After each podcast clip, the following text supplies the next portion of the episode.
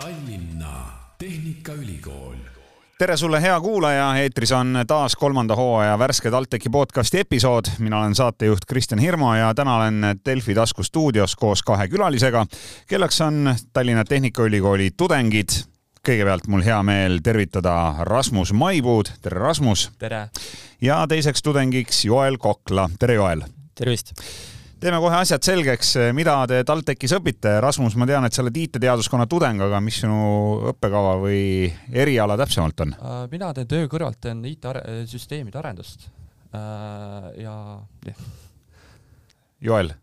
mina õpin inseneriteaduskonnas materjalitehnoloogiat äh, bakalaureuseõppe raames nii et meil on täna siin siis äh, kohal äh, IT-mees ja insener, võime niimoodi öelda. aga juttu teeme me hoopis teisest valdkonnast, mis ei ole otseselt ju see, mida te TalTechis õpite mm. -hmm.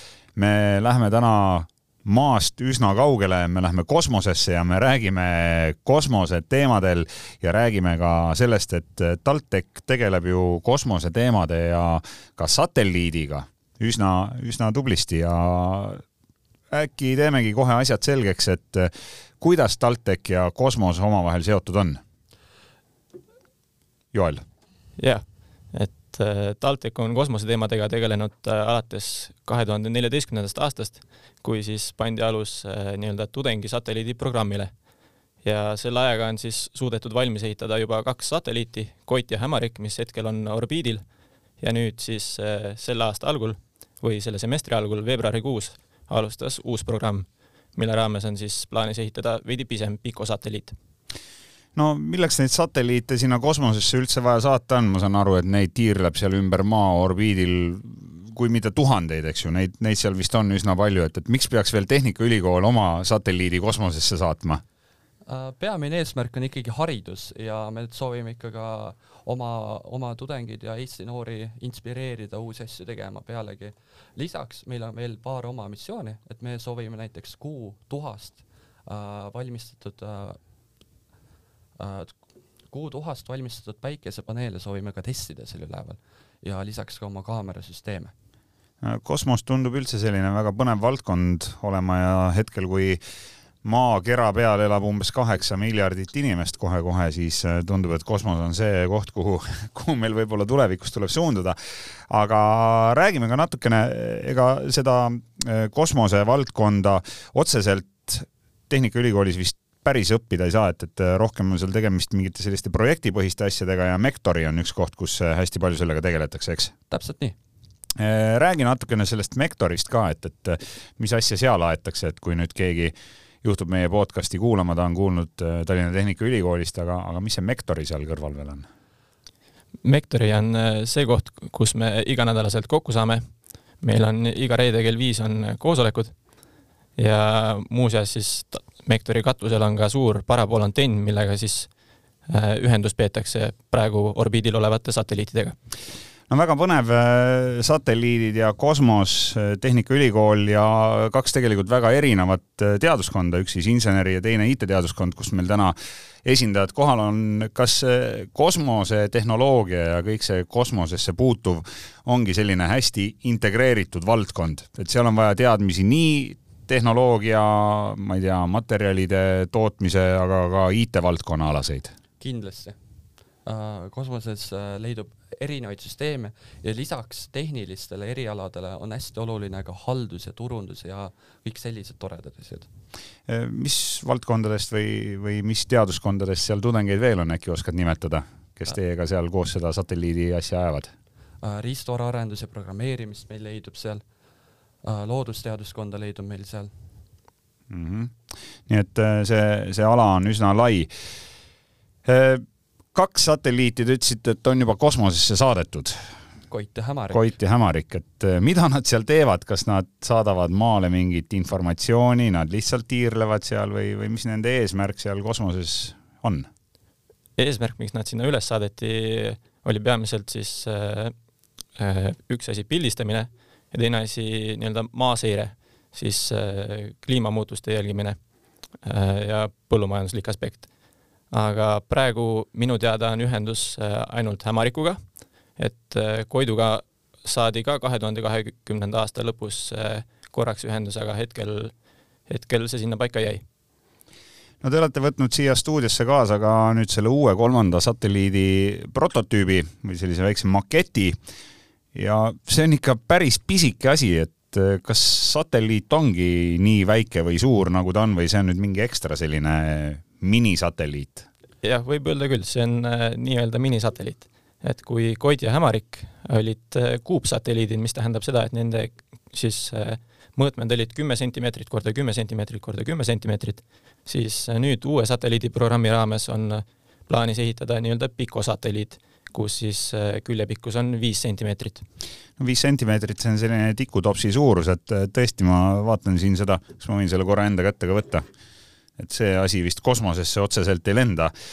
on selline väike kuubik ja, ja, ja jah, peale vaadates ei oskaks aimatagi, et see satelliit nii väike on. kas see, et satelliit on nii väike, seab eraldi ka mingid tingimused, sest kogu see tehnika ja tehnoloogia peab ju nii väiksesse korpusesse ära mahtuma? jaa äh,, muidugi on ka kaalutingimus on kakssada viiskümmend grammi, aga lisaks sellele ongi väga suur väljakutse just meile kõik see tehnoloogia sinna sisse kuidagi mahutada.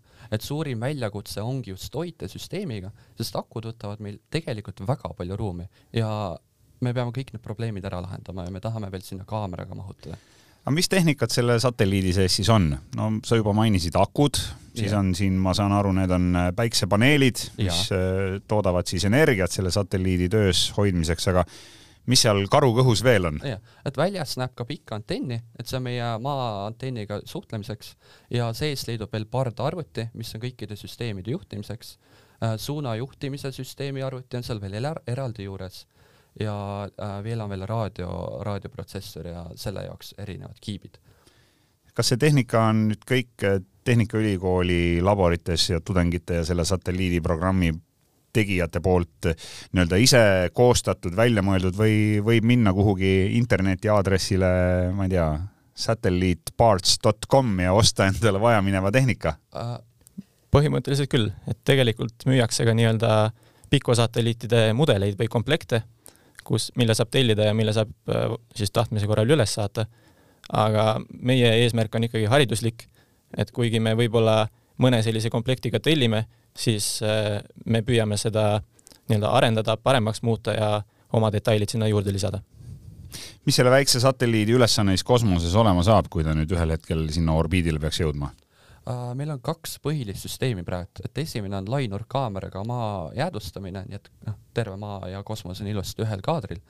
teine missioon, mis on minu meelest veel põnevam, on see, et meil on ülikoolis üks teaduskond, kes arendab kuutuhast valmistatud päikesepaneele.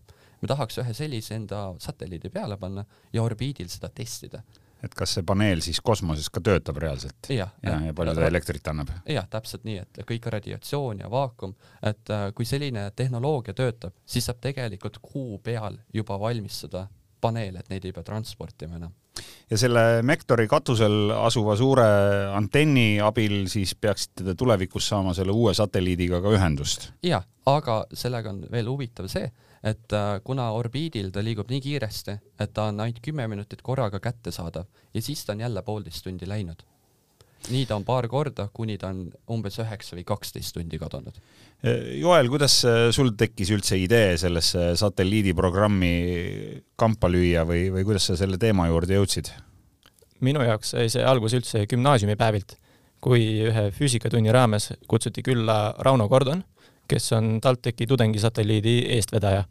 Ja seal füüsikatunnis ta tutvustas oma tegemisi. ja nüüd paar aastat hiljem, kui ma juba ise ülikoolis olen, äh, tuli ta taaskord ühe loengu raames tutvustama uut satelliidiprogrammi.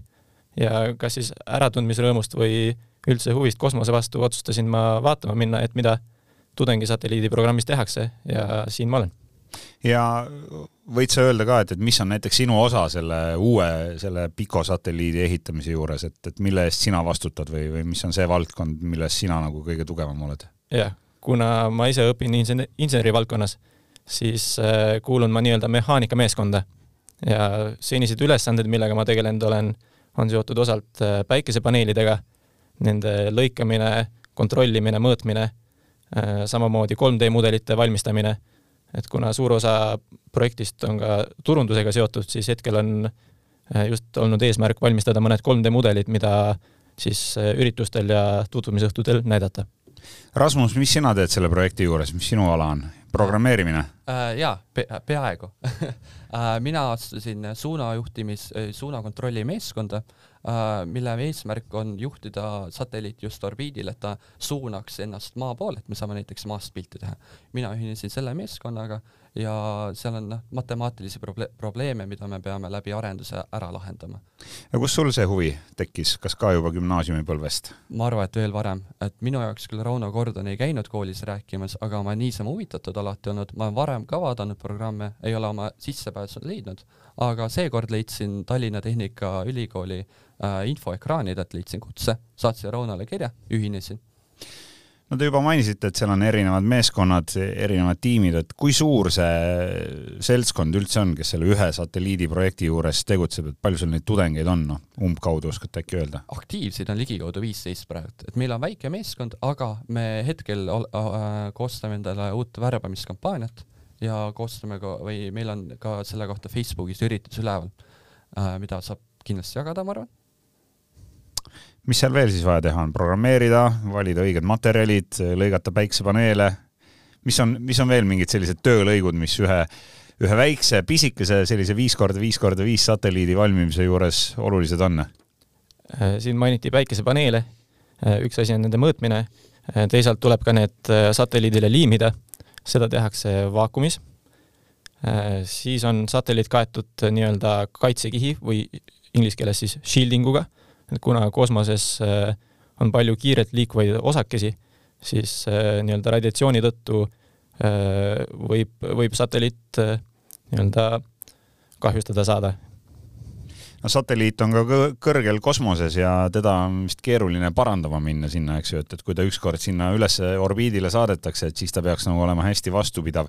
aga kui palju teda üldse juhtida saab või kui palju, no sa juba mainisid ka, et, et kümne minuti jooksul saab temaga ühendus, siis on ta poolteist tundi kadunud, et kas siis käib kuidagi eh, selle satelliidi juhtimine, antakse kaamerale käsk pildistada või ta toimetab seal üleval kosmoses täiesti autonoomselt ja automaatselt ja siis nii-öelda, kui ta on äh, levialas, ta saadab kogu selle kogutud informatsiooni juba maale tagasi? ideaalis küll jah, et äh, ta võiks autonoomselt tegutsedes, kui me saame ainult teda kümme minutit päevas juhtida, selle aja jooksul ei saa midagi toimuda.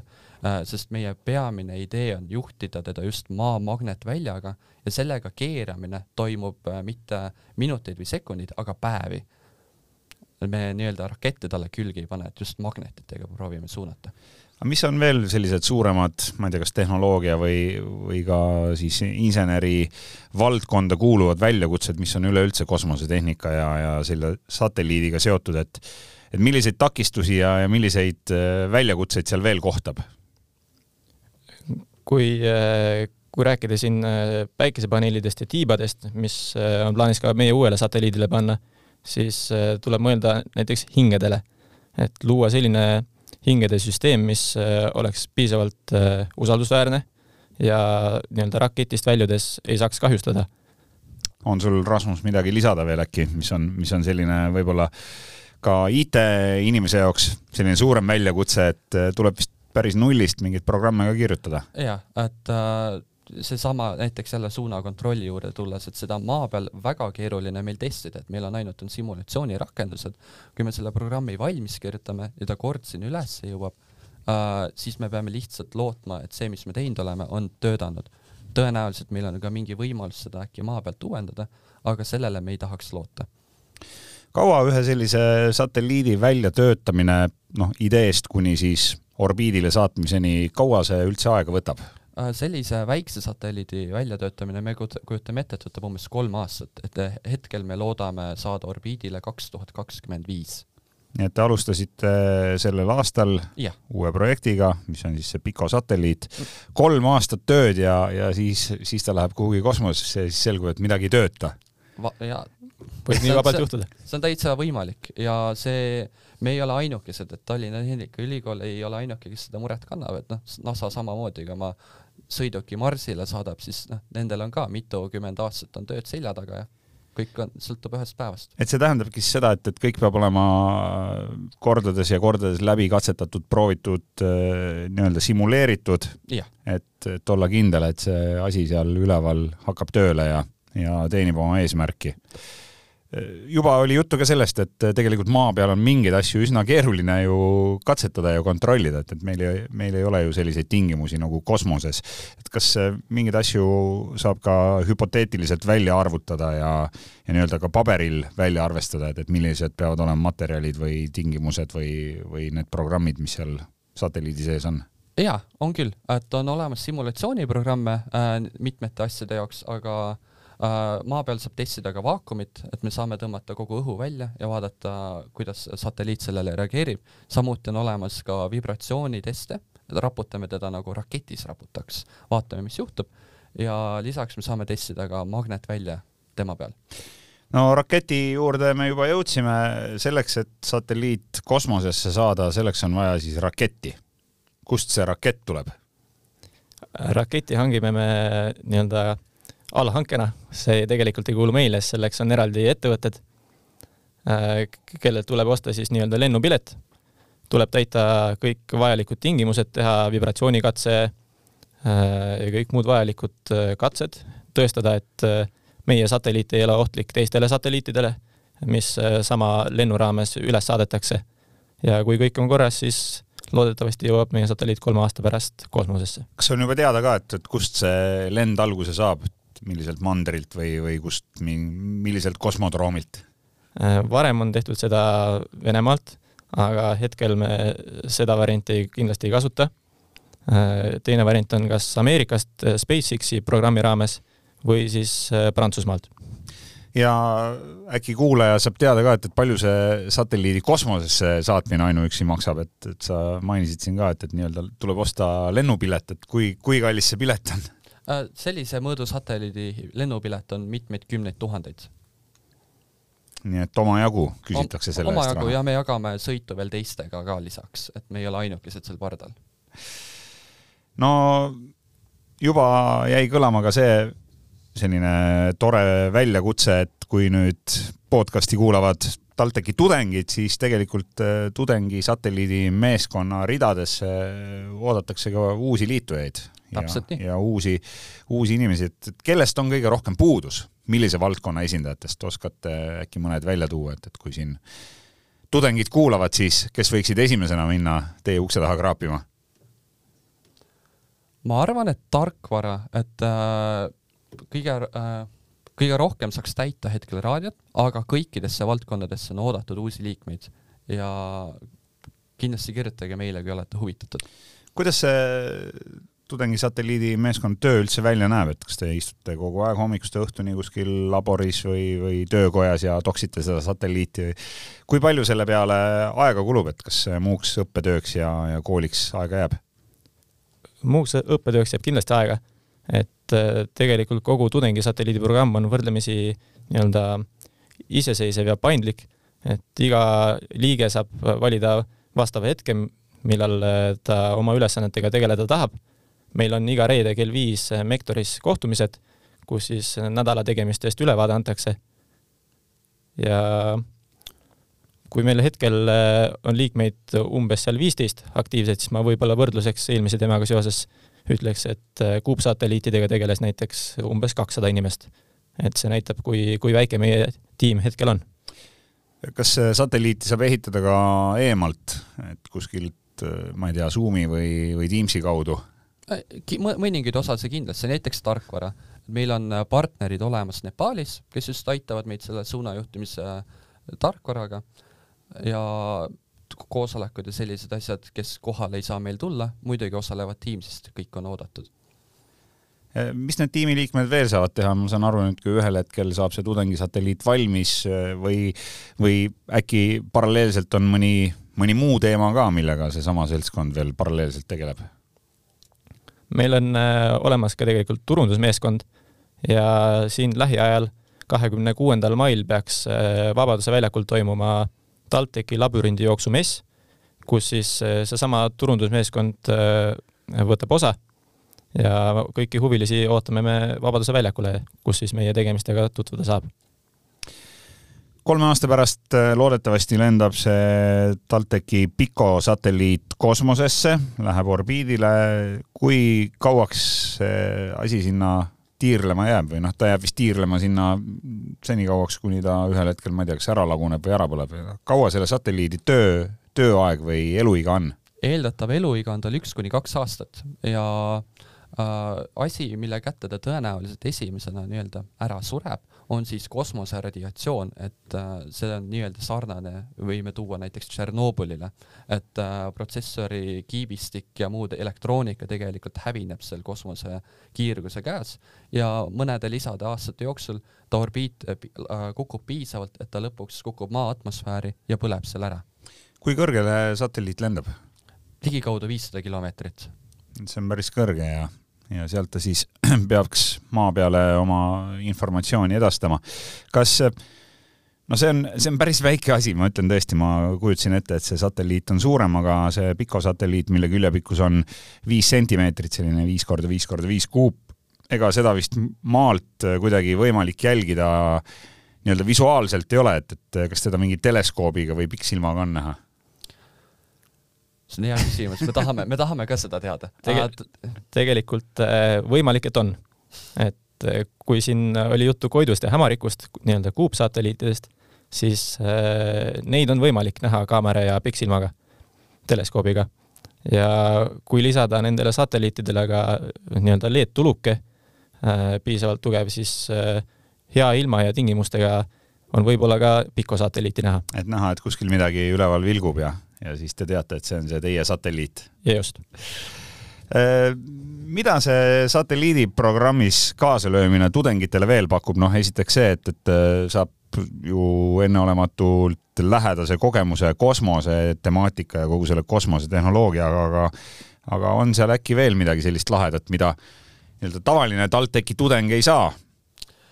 Seal on mitmeid põnevaid, et seal, sul on selle raames võimalik läbida praktika ja sooritada ka lõputöö ja lisaks, mis on eriti põnev äh,, saad CV-sse panna, et sa oled sellises asjas osalenud, mis annab karjäärile tegelikult väga võimsa lükke äh,. nii kosmosetööstuses kui ka muudes ettevõtetes, sest see tegelikult väga meeldib kõigile. ma lisaks veel nii palju, et äh, kuna meie meeskond on rahvusvaheline, siis saab äh, igapäevaselt praktiseerida inglise keelt ja kuuldavasti mitmed välismaa ülikoolid siis soosivad üliõpilasi, kes on osa võtnud äh, õppeprogrammidest, mis, mida otseselt ei rahastata ja, ja kus siis õpilane osaleb omast äh, heast tahtest ja soovist end arendada.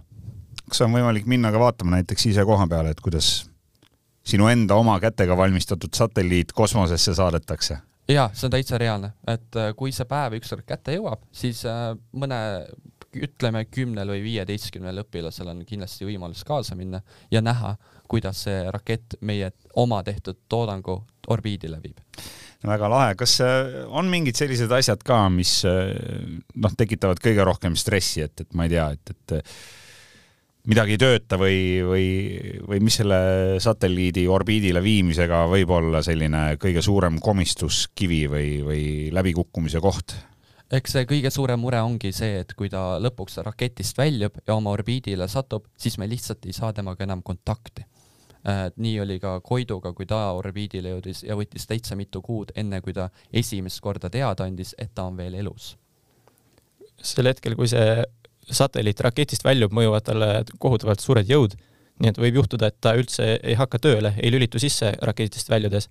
ja teisalt äh, põhjus, miks neid äh, vibratsioonikatseid tehakse, on see, et äh, satelliit ei tohi raketist väljudes kahjustada teisi satelliite või objekte, mis seal raketis on.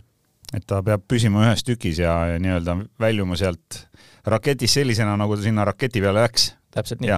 kas on mingi selline võimalus ka, et, et te olete selle satelliidi nüüd valmis ehitanud, jõuab ta sinna näiteks ma ei tea, Ameerikasse, kust see rakett peaks startima ja siis öeldakse, et ei, kahjuks me ei saa teie satelliiti pardale võtta. kas on mingi selline võimalus ka olemas? see on sellisel juhul, kui meil mõni sertifikatsioon jääb tegemata, aga me oleme noh, kuna see ei ole meie esimene satelliidiprogramm, siis meil on tegelikult täitsa hea pilt, mida me selle jaoks tegema peame no igal juhul väga põnev ja kaks tuhat kakskümmend viis siis loodame saada ilusaid värvilisi, kõrgekvaliteedilisi ja hea resolutsiooniga fotosid maast. Või, või mis te ise arvate, mis pildid sealt tulema hakkavad? nii on, et äh, juba tegelikult kaameraga, mille me plaanime satelliidile panna, on õnnestunud äh, maa peal mõned hea kvaliteediga pildid saada, mistõttu on alust arvata, et äh, see võiks õnnestuda ka kosmoses no igal juhul väga põnev, kas selle tudengisatelliidi programmiga liitumiseks peab olema TalTechi tudeng või on oodatud ka teistest ülikoolidest tublid üliõpilased? Äh, oodatu mitte ainult teistest ülikoolidest, aga ei pea olema ilmtingimata üliõpilane, et äh, isegi kui sa oled gümnaasiumiõpilane ja oled asjast huvitatud, me võtame su vastu ja leiame sulle koha, leiad endale koha äh,, koolitame välja, saad targemaks, lõpetad veel paremini äkki sa, Joel, siis äh, korra mainid veel, et, et äh, kust nüüd, kui keegi meie podcasti kuulab ja tal tekkis huvi TalTechi tudengisatelliidi projekti vastu, kus ta leiab kõige lihtsamini või kõige kiiremini informatsiooni üles? esimene üritus, kus meid äh, kohata võib, ongi Vabaduse väljakul TalTechi labürindijooksu mess, mis toimub kahekümne kuuendal mail ja päev hiljem, kahekümne seitsmendal mail toimub meil eraldi tutvumisõhtu kus tutvustatakse TalTechi tudengisatelliidi programmi ja kõik info, mis sellega seoses äh, vaja, leiab äh, meie Facebooki lehelt. sellest äh, oskab Rasmus natuke täpsemalt rääkida. Facebook.com kaldkriips satelliidiprogramm nii, ja ma olen näinud, et ka Robotex on üks sündmus, kus TalTech on alati tublisti kohal olnud ja esindatud, nii et nende aastate jooksul, kui satelliit ei ole veel kosmosesse lennanud, siis te näitate seda kindlasti Robotexil ka. jah, seda me plaanime ka teha no kellel asja vastu rohkem huvi, siis leiab TalTechi tudengisatelliidi kohta informatsiooni. igal juhul minul oli täna väga põnev, loodetavasti ka sinul. suur tänu tänastele külalistele, need olid siis TalTechi tudengid inseneriteaduskonnast Joel Kokla, aitäh, et said tulla. aitäh! ja Rasmus Maipuu, sama lugu, suur tänu! aitäh! Ja edu teile satelliidi valmistamisel ja selle orbiidile saatmisel. ja tänud ka sulle, kes sa kuulasid ära tänase värske TalTechi podcasti episoodi. kõik need on kuulatavad Delfi taskukeskkonnas, Spotify's, Apple podcastis ja teistes suuremates rakendustes. otsi need üles, hakka jälgijaks ja nii jõuavad kõik uued saated esimesena sinuni. mina olen saatejuht Kristjan Hirmu ja kuuleme juba järgmises TalTechi podcasti episoodis